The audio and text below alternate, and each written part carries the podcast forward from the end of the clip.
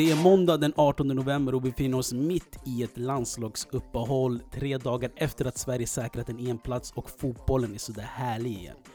Det som är ännu härligare är att jag har med mig mina kompisar Ativi och eh, Abbas. Eh, jag måste bara fråga dig innan vi hoppar in i, i att Sverige säkrade mm, EM och eh, alla andra länder som säkrade EM. Alltså, vilken kategori tillhör ni? Är ni de som gillar när det är landslagsuppehåll eller de som ni, eller tillhör ni kategorin de som eh, saknar klubbfotbollen? Eh, jag tillhör självklart kategorin som eh, saknar klubbfotbollen. Därför där känns det som att flera spelare är involverade helt enkelt. I landslaget är det begränsat. Alla får inte delta. Många blir ju lämnade hemma eller sitter ute på läktaren, på bänken. Så man får inte se alla de här spelarna som man kanske vill se och är intresserad. Eh, men eh, det är ändå, det har ju sin egen lilla nisch också. Ja, men alltså jag känner ju så här att eh, spelare som går på landslagsuppehåll och spelar matcher brukar för det mesta skada sig. Och det förstör ju för klubben och eh, längtan för att kunna se sitt favorit, sin favoritklubb igen. Så just därför så tycker jag att landslagsuppehåll är väldigt, väldigt tråkiga. Och enda gången jag vill se landslaget, eller ja men landslagsspelare, det är när det är mästerskap. Alltså jag skulle säga att jag tillhör den här gruppen varken eller. Alltså jag tycker på ett sätt det är skönt när det är landslagsuppehåll, för då hinner man göra andra grejer som är alltså icke fotbollsrelaterade. Alltså din lördag blir en lördag igen, din söndag blir en söndag igen. Alltså, du kan bokstavligen gå ut klockan 13 och 14 och inte tänka på vilka matcher som spelas. Annars är det typ av en, alltså det är nästan en plikt att off, lördag, vänta vi har United Everton 13.30, sen 15.00 spelar Inter Parma, sen 18.30 en kvällsmatch mellan City och Chelsea. Alltså förstår du vad jag menar? Det blir mm. packat. Och du, men det är det som är så jävla skönt. Ja det är kul, men jag tycker det är varierande ibland att det inte finns någon fotboll på TV. Man, man, man kollar runt omkring sig, man tänker okej okay, vilka bor med mig? Vem är du? Vem är det här? Vad, vad finns det på TV? Vad finns det på Netflix? Ska vi gå ut och käka? Så på ett eller annat sätt, ibland kan det vara skönt med fotbollsfria helger. På, på så sätt att det, eller klubbs fotbollsfria helger. Alltså jag älskar när det är fotbollsmatcher från den stunden att jag vaknat och käkat min frukost till att jag ska slänga in min sista måltiden, middagen. Att det ska vara hela dagen, bara en rush av fotbollsmatcher. Ibland är gymmet går på rullbandet och jag sätter upp en match på telefonen och lägger den framför mig och kollar. Så du är en, du är en fanatiker. Alltså, grejen är, innan bara vi, vi slänger in oss i eh, EM-kvalsmatcherna och så vidare och så vidare. Eh, vad heter han, eh, legenden? Eh, Marco van Basten alltså, beskrev exakt som jag brukar känna när jag kollar på fotboll. Han bara, efter 30 minuter av att ha tittat på Holland och Nordirland bytte jag till Netflix.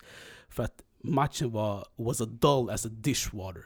Jag tittade på fotboll för att det är något kul om det handlar bara om att sitta ut matchen så föredrar jag att göra någonting annat. Det är samma sak för mig alltså. Om matchen bokstavligen är tråkig, kommer jag inte sitta ut matchen bara för att sitta ut matchen. Mm. Jag, jag sitter på Netflix hellre för att uh, balansera. Jag håller med, och de här landslagsuppehållen så det är väldigt sällan det är storlag som möter varandra. Alltså det är ju för det mesta, ja men alltså vad vet jag, alltså det kan vara ja, Sverige öarna som nu nästa match. Alltså vem, vem vill se den egentligen. Jo, ja, alltså, jo, vi som svenskar kanske vill se den bara för att nu. Mm. Men eh, annars alltså, vem ser den? Eller Spanien, Tyskland mot ett eh, liksom, dussingäng. Alltså, man vill inte se de matcherna. Mm. Man vill se Spanien mot eh, ja, Tyskland, Spanien mot Frankrike, Italien, Sverige. Mm. Ja, ja, jag, alltså, tycker... jag vill bara nämna det där när du sa Van Basten. Det är lätt för honom att säga så i efterhand att han eh, gjorde det bytet till Netflix när man vet att resultatet blev 0-0 och det var en tråkig match. Men hade det varit en målrik match, eller som när de möttes på eh, Hollands hemmaplan och de vände 1-0 till 2-1 på vad det, sista 10 minuterna. Mm. Då hade inte han lagt en sån där kommentar efteråt. Nej, men jag tyckte bara han beskrev hur, hur, hur jag kollar på fotboll allmänhet. Men som sagt, det är landslagsuppehåll. Jag tycker vi ska ge det dess värde att eh, snacka om det lite i alla fall. Kör vi!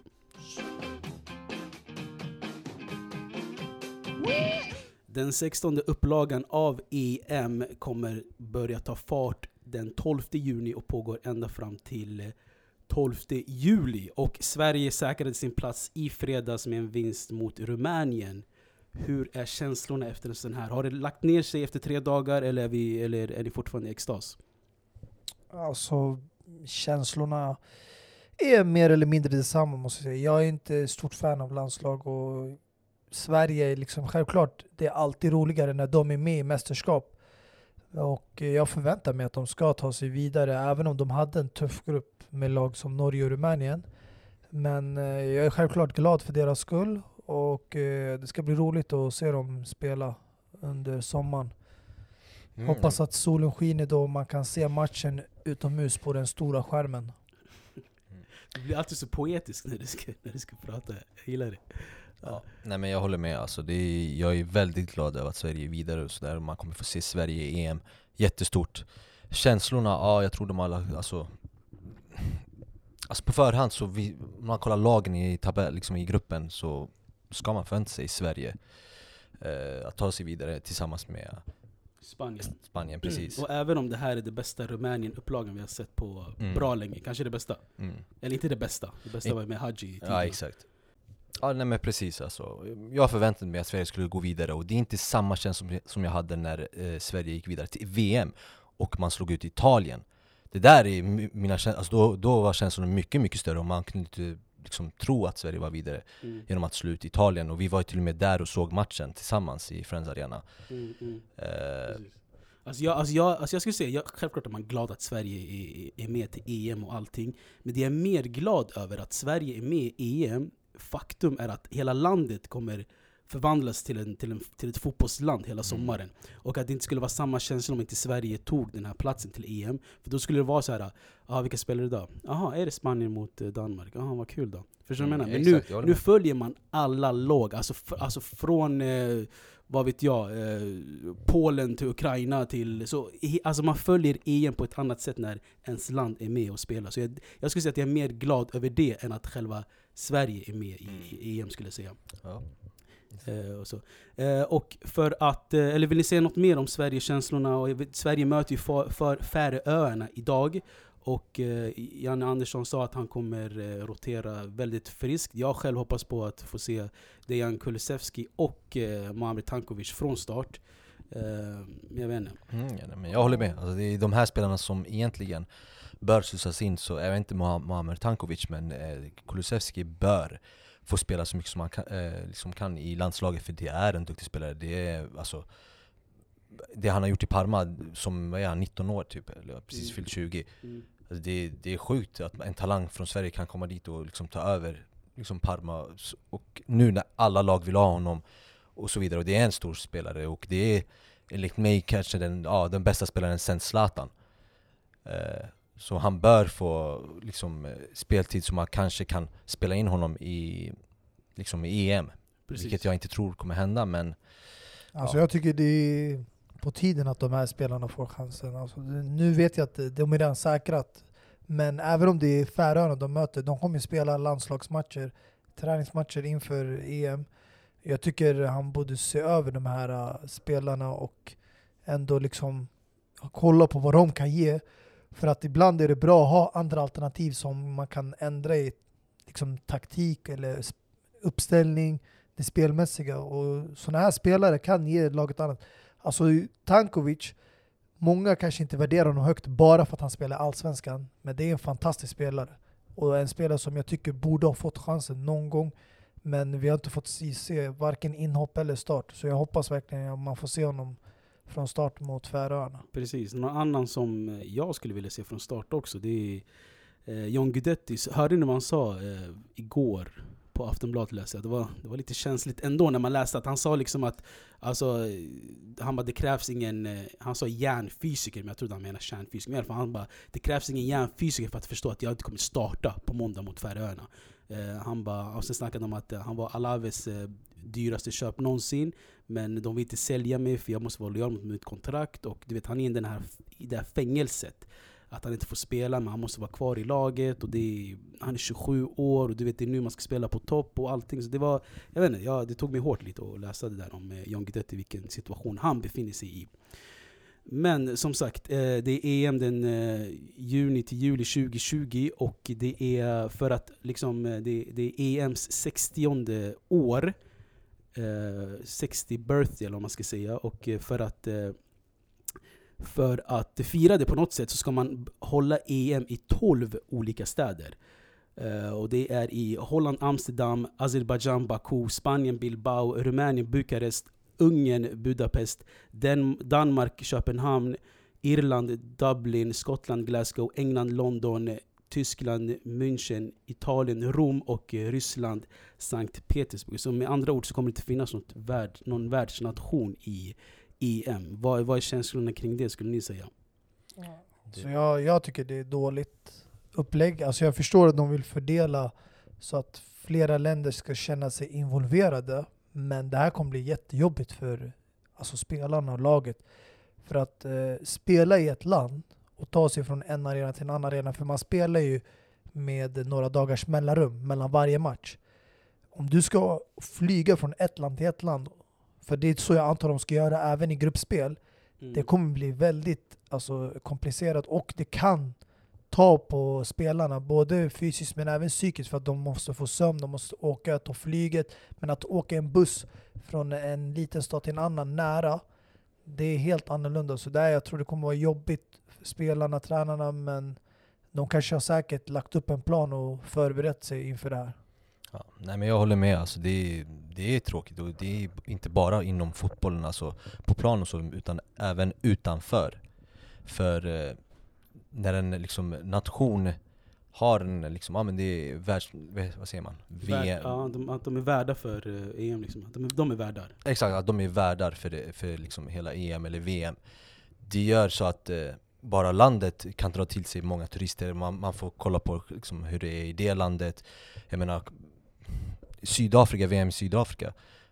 Ingen skulle, alltså inte för att vara sådär, men jag tror inte många skulle vilja åka till Sydafrika bara sådär. Eller, eller när det var i Kina. Utanför VM eller? Va? Ja, bara utanför Sydafrika VM. Nej men jag är vet att Sydafrika, nej men nu land. sa jag bara Sydafrika. Men till exempel Qatar, eller Qatar också, men det är inte, ja. Jag, alltså jag fattar Du först- du fattar vad jag menar, att om ett underland du är, får, du eh, får, du får, världsnation. Du får eh, uttrycka dig bättre tycker jag ändå. Om du, Nej men nej men helt ärligt vadå? Alltså, Alltså, jag de som åker till Sydafrika till exempel, Jag jag kan det är Sydafrika eller Kina, eller vad det än eh, är. Jag förstår nu, jag kan nämna ett jättebra exempel. Du nämnde ju eh, Azerbaijan, Baku. Där spelades ju Europa League-finalen. Och vi såg hur dystert och torrt det var på arenan under en Europa League-final. Och det var för att de valde den där staden och det landet som det var jättesvårt att ta sig dit för att det är så få flyg. Så nu när de ska ha en EM-match i Baku i Azerbaijan, hur många åskådare på plats kommer det vara där? Det är väldigt få. Folk kommer bara åka till de här stora nationerna men där som brukar ha fotboll, eh, stora ligor där det är väldigt attraktivt och har kanske tidigare varit värdnation. Som till exempel Frankrike, som Holland, Amsterdam. Ja men grejen är det, det jag inte fattar där, alltså jag förstår inte hur de har tänkt sig. Om, om, typ, om Spanien ska spela nu eh, en match, ska de hålla sig i Bilbao, nära sig? Eller måste de åka till eh, Sankt Petersburg eller Glasgow? Eller hur har de tänkt sig att... För grejen är, det som jag sa i början, alltså hela grejen med EM och VM och alla de här mästerskapen, det är att ett land eh, For, alltså, eh, som du sa också Abbas, att ett land blir liksom det fotbollslandet under, de, under den månaden. Att folk åker dit, eh, vart du än går är det, är det VM och man, man, man minns liksom Typ, man skulle minnas eh, vad som eh, typ såhär, um, 2014, Mm. VM som eh, Sydafrikas VM. Exakt. Och eh, när det var i Sydkorea och Japan var det väl. Mm. Att man minns som det året. Men nu, vart ska man minnas då? Det är 12 olika städer utspritt över hela Europa liksom. Ja men det är det jag försöker säga, det är dit jag vill också komma, att det blir en gemenskap. Alltså inte bara att la- alla landslag är i samma land och samma stad och så vidare, utan även turisterna som kommer dit är liksom, eh, de är ju där för sitt landslag och det blir liksom eh, väldigt en mångfald av olika liksom, eh, liksom vad säger man? La, eh, samma typ. Ja men Mm. exakt. Mm. Och det är det som gör eh, EM och VM så stort känner jag. Men nu så kommer det kännas lite som ja, men EM-kval eller VM-kval. Att man bara ska Precis. Ja exakt. och, och, och nu pratar vi bara om eh, liksom, eh, landslagen, men tänk dig de här som kanske reser till ett land, till exempel i VM, de reser ju dit kanske inte bara för en match utan är där och kollar på flera matcher. De, Mm. Alltså till exempel om du är svensk och ska kolla på Sveriges matcher, då måste du hålla på och resa till, och du vill vara där under varje match. Mm, Då måste du hålla på och resa till Precis. olika länder hela Precis. tiden. Alltså jag tror till och med att det kan vara en avgörande faktor på grund av om ett, om ett lag förlorar eller vinner beroende på hur mycket man har rest och hur trötta spelarna är. Så jag tror det, det här kommer vara katastrofalt. Om jag får se det på förhand. Alltså det är, jag, nu det, eftersom det är EM så är, eh, eftersom alla spelar ju liksom i Europa, så kanske det är lite lättare för lagen att ta sig dit. Men det här skulle aldrig kunna appliceras på VM.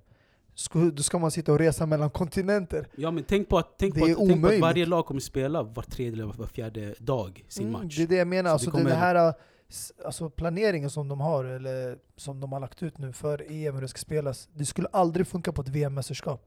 Nej, Och jag tror jag vet hur de tänker om jag ska vara helt ärlig. Det är ju för att EM, det är Europa, alla la, eller, länder i Europa för det mesta har pengar och har Ja men de har cash att betala för att, liksom för en biljett för att åka till olika länder. Mm. Hade det varit VM så skulle mindre länder, u-länder, som, ja, men människor som inte har så mycket Mm. pengar skulle inte kunna resa till andra länder sådär. Förstår du vad jag menar? Det kanske är därför de... Jag hade gillat faktiskt, jag måste säga, ett bra exempel, eller bra tips hade varit om man gjorde som när Sydkorea och Japan hade hela VM. Det är om Sverige och Danmark, och kanske Norge, eller två, tre nationer i Norden, Skandinavien fick ha hela EM. Mm. Det skulle kunna vara skönt, för de är nära varandra och det är väldigt lätt att ta sig mellan de här länderna. Alltså typ Skandinaviens EM 2020 typ. Exakt. Ja. Det hade varit en bra idé. skulle vara något. Ja, eh, förutom Sverige då så är det ju ett gäng antal länder som har kvalificerat sig för EM 2020 i 12 olika länder. Jag vet inte vad jag ska kalla det. Ska jag, alltså, förstår du? Förut kunde man säga EM 2020 i Tyskland, men skitsamma. Eh, förutom Sverige är det England, Frankrike, Ryssland, Belgien, Italien, Ukraina, Polen, Spanien, Tjeckien, Turkiet, Finland, Holland, Tyskland, Österrike, Kroatien och Portugal. Finns det något land på förhand efter jag rabblat upp alla de här länderna som ni är alltså, mer eller mindre imponerade eller är lite chockade? Vad vet jag? Att de finns med i den här listan som redan har kvalificerat sig. Mm. Ja definitivt, jag skulle vilja nämna ett landslag som man också på förhand skulle, ja men man ska förvänta sig att de tar EM. Eh, även fast de gjorde ett fiasko förra VM, eller senaste VM, i och med att Sverige slog ut dem. Jag pratar självklart om Italien som då har tagit full pott eh, under hela EM-kvalet e och eh, Mancini har tagit tio raka vinster, vilket ingen eh, någonsin har gjort tidigare i Italien. Eh, men det landslaget ser väldigt intressant ut och eh, man ser ju direkt att det är definitivt, definitivt två olika lag. När Sverige mötte dem eh, senast och vad det är för lag idag. Och sen var det två helt olika coacher också. Precis. Eh, I Ventura och eh, Mancini. Mancini kanske har hittat eh, hem som en eh, etablerad landslagstränare. För vissa tränare passar som landslag, vissa tränare som klubblag. Ett praktexempel är ju Jogi Löw som jag aldrig kunde, skulle tänka mig se i ett eh, klubblagssammanhang. Han Mm. verkar höra ihop med Tyskland. Ja, intressant. Jag måste faktiskt säga, jag är inte bara imponerad men förvånad över eh, Ukrainas insats. Även om det är en bra nation, att de tog första plats i en grupp där det fanns ändå lag som Portugal och Serbien. Det är de två lagen som jag trodde faktiskt på förhand skulle kvala vidare. Så kom Ukraina ut som eh, etta i gruppen. Så det är väldigt intressant. Jag ska se dem. Jag kommer ihåg eh, att de eh, slog ju ut Sverige i förra tror jag, EM-mästerskapet från gruppspel. Eh, när man vann dem med 2-1. Eh, det var den eh, gruppspel där Sverige förlorade sina två första matcher. Men eh, var redan ute men vann den sista matchen mot Frankrike. Ja, precis. Och grejen är, det jag undrar är, du vet, när alla de här länderna har kvalificerat sig redan och så, så finns det alltid en stabil trupp eller vissa spelare som har hjälpt till att eh, säkra dess land eh, plats till EM. Egentligen så finns det ju ingen garanti på att de här kommer få spela i juni beroende på matchform och så. Men hur, alltså, hur lojal borde man vara? Hur lojal borde länderna vara till de här spelarna och att man per automatik tar ut de här spelarna bara för att de var med och tog med landet till en, eh, en EM-plats? Alltså, borde man, ha mycket, borde man lägga mycket fokus på det? Eller ska man ta ut eh, liksom, vem som är bäst form i juni? Alltså det beror på helt och hållet. Jag tänker till exempel i Frankrikes situation. Eh, där du har Giroud som inte får någon speltid. Du kan inte utgå efter matchform, vad han har för form i klubblag. Han får ju ingen speltid, men ändå blir han uttagen till landslaget. Och det finns kanske andra bakomliggande orsaker till varför man väljer ut de här spelarna. Det kan vara erfarenhet, Eh, det kan vara att man inte har så många centrala anfallare att välja mellan. Eh, I det här fallet tycker jag att man kan också välja ut Lacazette eh, i Frankrike. Eh, Benzema som är otrolig för Real Madrid är ju bannad for life. Du har missat en annan anfallare också som är i toppform. Eh, alltså, du får gärna refresha mitt minne här men... Eh, Tony Marcel came from France The English bred city had no chance 50 million down the drain Tony Marcel scores again. Alltså, Ja. Anthony Marcel. ja, men eh, jag pratar ju om sådana här target, centrala anfallare. Eh, inte Martial eller Griezmann eller liknande. Hur som helst, jag tycker självklart alltså tränaren ska liksom eh, ta hänsyn till matchform, att speltid och sånt. Men sen finns det vissa spelare du vet, han ger mig någonting extra som ingen annan spelare ger. Han kan ändra matchbild eller ändra spelsättet om jag tar in honom. Och om inte du har flera sådana typer, då väljer du ut en sån spelare även om inte han har matchform och tid. Men jag tycker inte du ska vara lojal mot en spelare bara för att han kom in och avgjorde en match som gjorde att ni kvalade vidare. Och sen resten av säsongen har han varit skitdålig. Han tillför inte så mycket annat i laget och får ingen speltid och sen ska du bara hämta in honom i laget. Nej men jag håller med, det är, alltså, det är därför det är så intressant när det kommer till Dejan eh, Kulusevski För det är ju, alltså fortsätter han så här alltså, som han presterar i Serie A så är han ju den bästa svenska spelaren där ute men han är ju inte, alltså okej han blev uttagen till den här matchen men han har inte varit med under EM, liksom kvalet och man ser inte honom som en del av det svenska landslaget egentligen. Men fortsätter han så här alltså, s- tycker jag att man bör, eh, liksom, man ska ju definitivt hämta med honom till eh, EM Men Eh, tror du han men att han, in? spelar, att han spelar i landslaget, det är en annan grej och jag skulle förstå om man kanske inte spelar honom. Eh, Och det är enbart för att Sverige är ett lag som, alltså det är mer eller mindre samma lag som spelar Förutom att nu kanske Quaison har hoppat in och spe, Mm. liksom börjar spela lite nu Annars, eh, det är ju exakt samma spelare som det var typ för två år sedan, känns det Mm. som Eh, och då kan det vara svårt eh, att få in Kulusevski men Alltså när en spelare presterar så bra och inte varit med under EM-kvalet Jag tycker fortfarande att man ska ta med honom i laget Mm. Alltså jag tycker, det, alltså Sverige är såklart ett undantag. Sverige är som de är. De är väldigt fyrkantiga när det kommer till eh, uttagningen. Men exempel Guendouzi. Säg att han har, har eh, ett skitbra halvår. Och sen så eh, ska han peta Matuidi till exempel. Bara för att han, Matuidi har blivit lite sämre.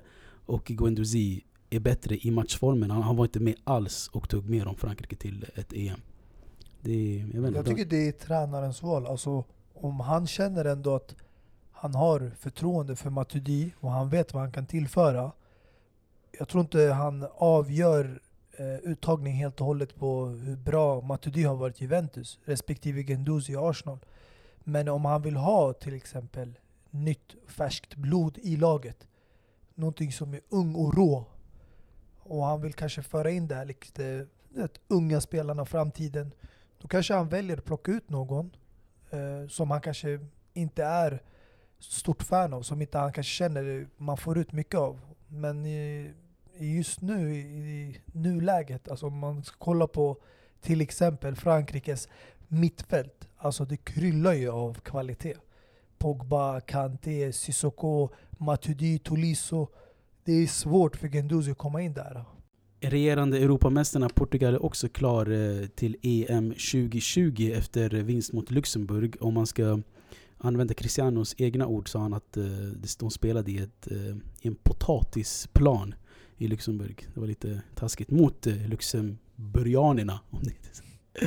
Men eh, något annat som är mm, nämnvärt med Cristiano Ronaldo är att han närmar sig en magisk siffra. Eller hur Mustafa?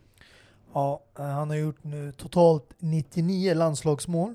Eh, Närmar sig gränsen 100. Det är ju ett till eh, och vi alla vet att han kommer ju självklart nå över den gränsen. Eh, Den enda spelaren genom hela historien eh, i landslagssammanhang som har gjort över 100 är ju den eh, iranska fotbollsspelaren Ali Daei.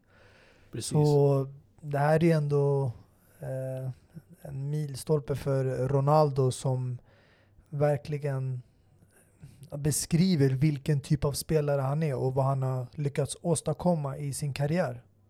Exakt. Ali Daei som eh, nämnvärt står på 109 mål. Och Cristiano just nu har exakt 10 mål att nå upp dit. Vilket jag tror också han kommer slå det. Jag tycker vi fortsätter på det anfallsspåret. I dagarna var det David Villa El Guaje som eh, la skorna på hyllan. Eh, I våras eh, tog Xavi avsked och i somras var det Fernando Torres och nu har det kommit eh, till David Villas tur. Och det verkar som att Spanien eh, befinner sig i en grov generationsväxling som är jättetydlig. David Villa som eh, vann eh, La Liga två gånger med Barca, ett år med Atletico Madrid som det var deras första ligatitel sen 95-96.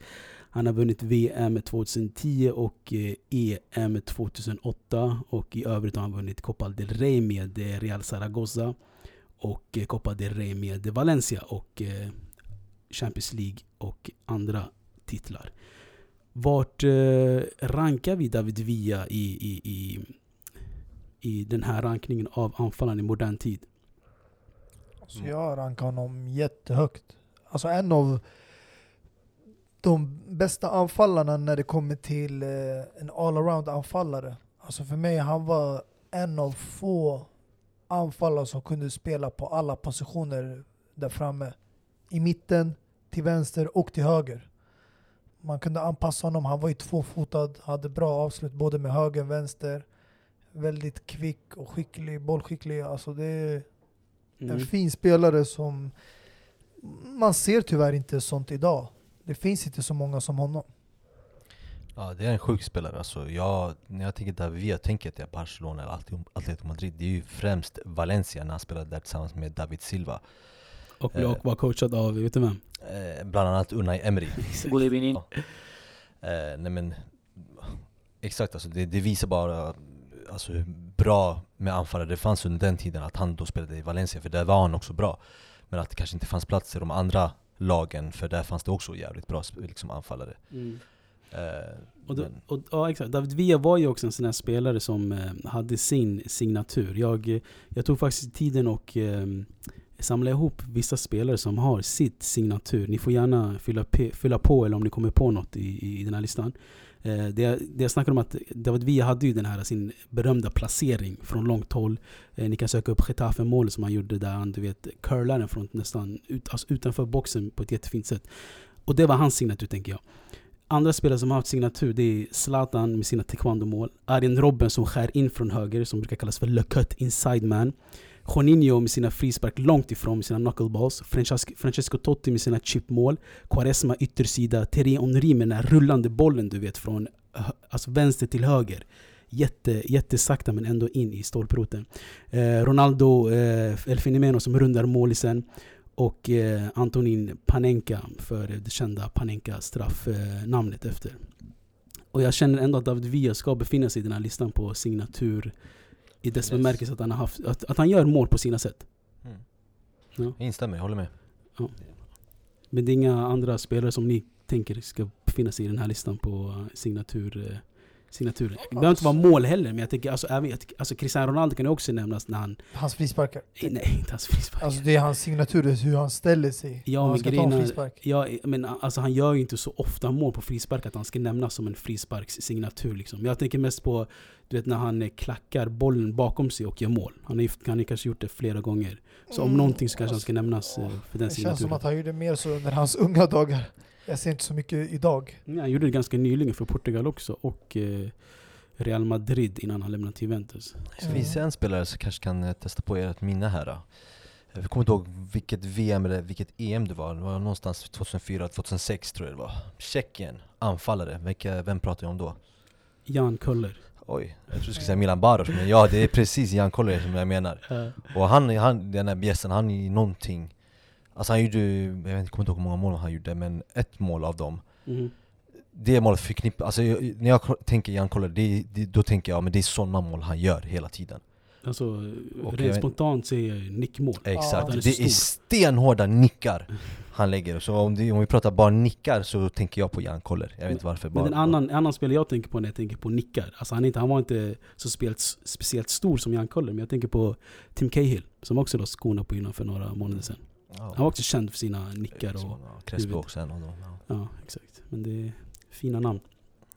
Men ja, jag tycker ändå när vi kom in i Thierry Henry eh, och när vi ska börja avrunda det här avsnittet. Han har ju fått ett nytt tränarjobb. Eh, det gick som det gick för i Monaco.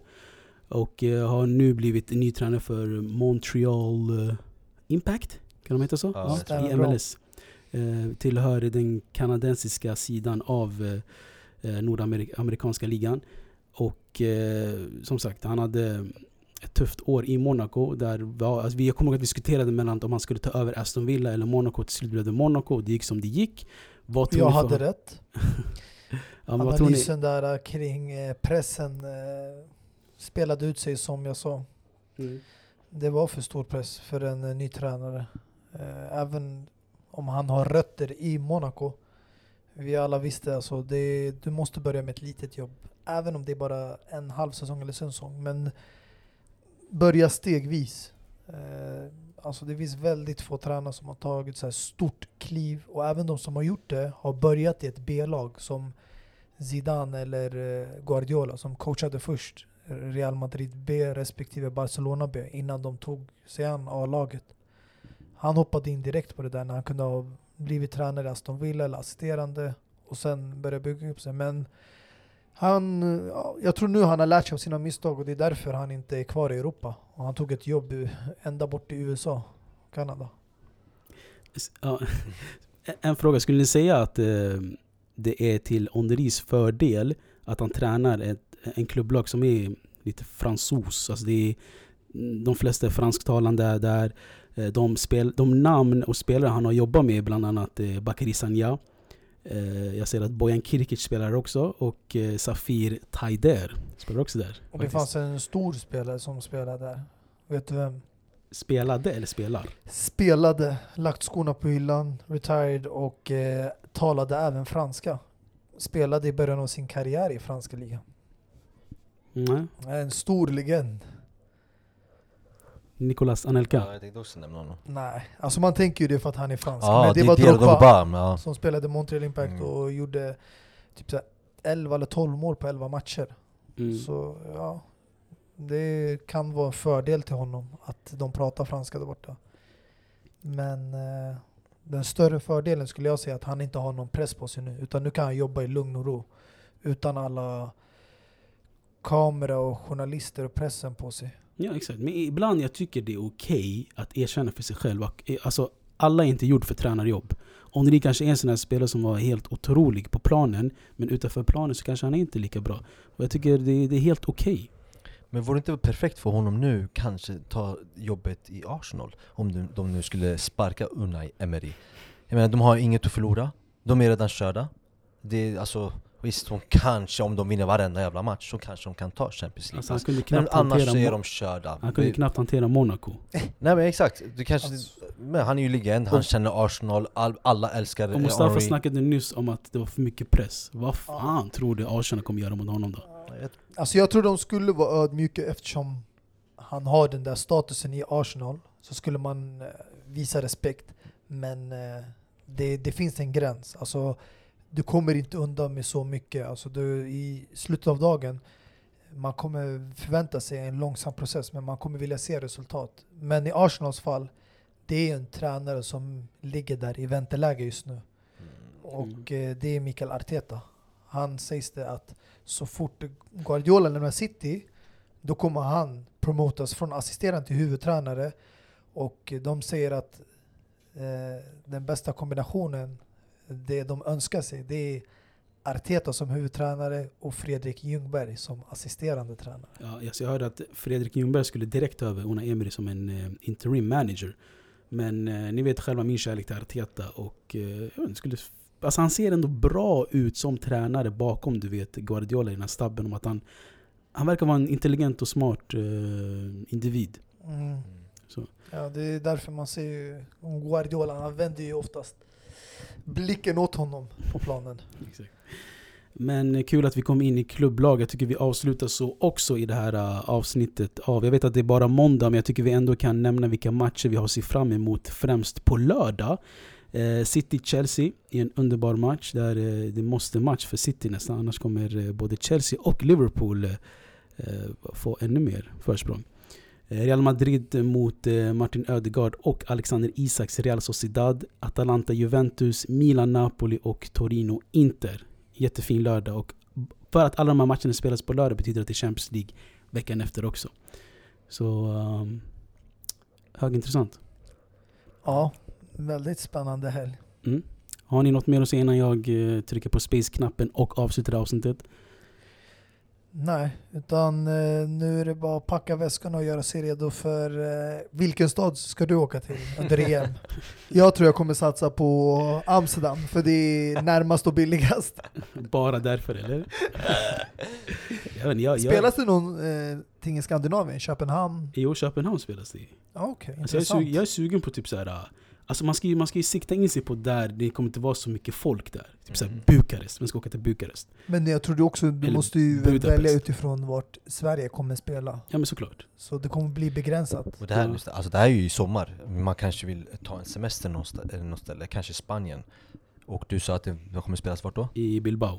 Bilbao? Och Bilbao är ju baskerna. Av alla städer. Ja. Nej men det, det är fett nice. Nej, men jag det ligger bara- i baskerna vid havet och allting så det är, Exakt, varför inte? Du Mm. får semester och så får du VM, Ja. eller EM på köpet Ja men du måste ju tänka alltså, det är, som sagt alla de här äh, länderna och städerna Folk kommer ju vilja satsa på att åka till Mm. Bilbao för det är det mest attraktiva Exakt. Så jag tänker därför vi åker till Så just eh, därför ska du vara två timmar ifrån och ha din solsemester och sen bara åka bussen in eller någonting Jag, vet du, jag tycker vi åker till Rumänien, Bukarest Ta på oss våra gula tröjor och visa dem för ett ansikte. Ja, vi gick vidare i den här gruppen. Vad? Ja, jag tror inte de kommer välkomna dig efter det de utsatte Isak för. Ja, jätte... Ja, fy fan alltså. Det var synd att vi inte tog upp det. Men, men kul, kul, kul att du nämnde det. Eller kul att du nämnde det, men tragiskt att det hände. Men kul att du nämnde det, för att jag tycker vi ändå vi ska få in det här i avsnittet. Eh, alltså, alltså jag tror vi, vi har slut på, på argument och ord och varför det här händer hela tiden. Eh, och det är jättesjukt att det, det känns som att det är, på sån här kort period händer det sån hela tiden. Är det bara vi som har varit eh, inte sett och varit blinda? Eller har det hänt hela tiden? Eller bara just nu de, eh, de Jag ska här- säga till dig, det är inte att vi har varit blinda. Jag tror rasismen har alltid funnits där, men nu känns det som att det har eskalerat mer och eh, under modern tid så börjar folk visa sina riktiga sida, men det är inte så, utan det är bara att på grund av att vi har idag sociala medier och det är så lätt att lägga ut saker och ting på nätet och Youtube så kommer det fram. Mm, mm. Men jag tror till exempel rasism, om vi snackar om Italien till exempel, det har alltid funnits.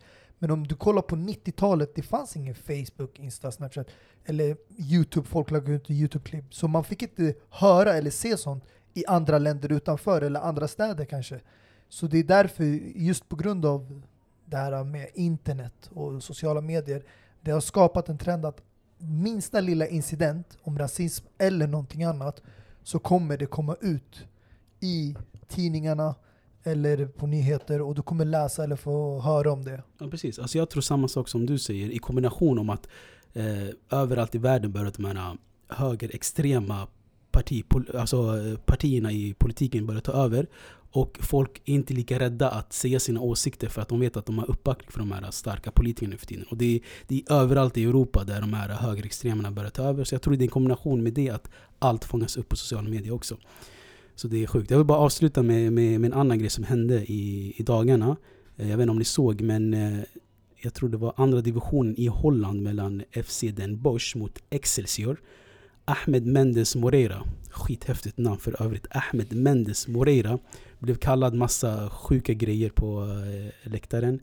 Domaren valde att avsluta matchen som jag tycker för övrigt jätterespekt att han gör så, att många domare borde göra så. Eh, hur som helst, matchen avbröts. Eh, sen när matchen kom igång igen så gjorde han mål och sprang till de här fansen eh, och firade framför dem. Så det var jättevackert att se. Som sagt, jag tycker vi avslutar med de orden och vi avslutar med Ahmed Mendes Moreira och eh, hörs igen under dagarna. Peace. Le but d'une vie c'est de faire de la monnaie. C'est pas ton équipe et ton racolé.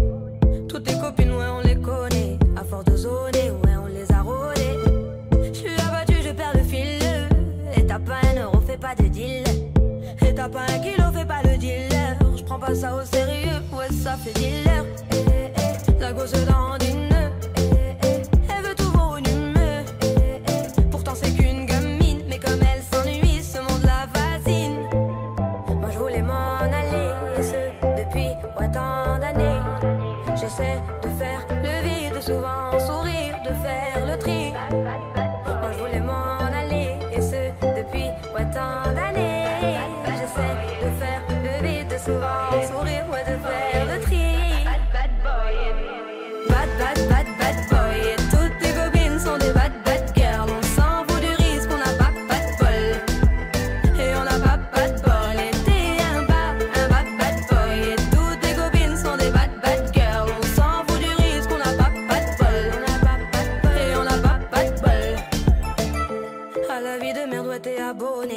tu peux pas changer de forfait, ton abandonné.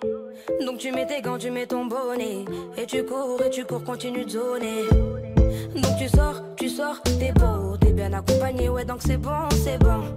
Elle a vu tout ton zéyo. À partir de là, ouais, tu te casses les dents. Ouais, tu te casses les dents, tu dépasses les bancs. Tout ça parce que la femme est bonne, est bonne. Mais toi, tu l'affectionnes, les consos s'additionnent. À la fin, c'est qui qui paye, bah c'est pas elle qui donne.